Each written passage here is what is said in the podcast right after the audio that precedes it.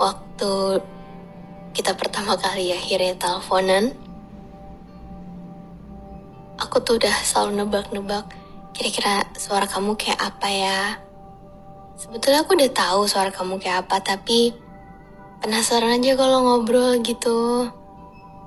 Dan ternyata kamu enak untuk diajak ngobrol-ngobrol soal yang serius bahkan tentang yang random-random. Sejujurnya percakapan kita tuh jadi salah satu favorit yang aku suka dari kata kita.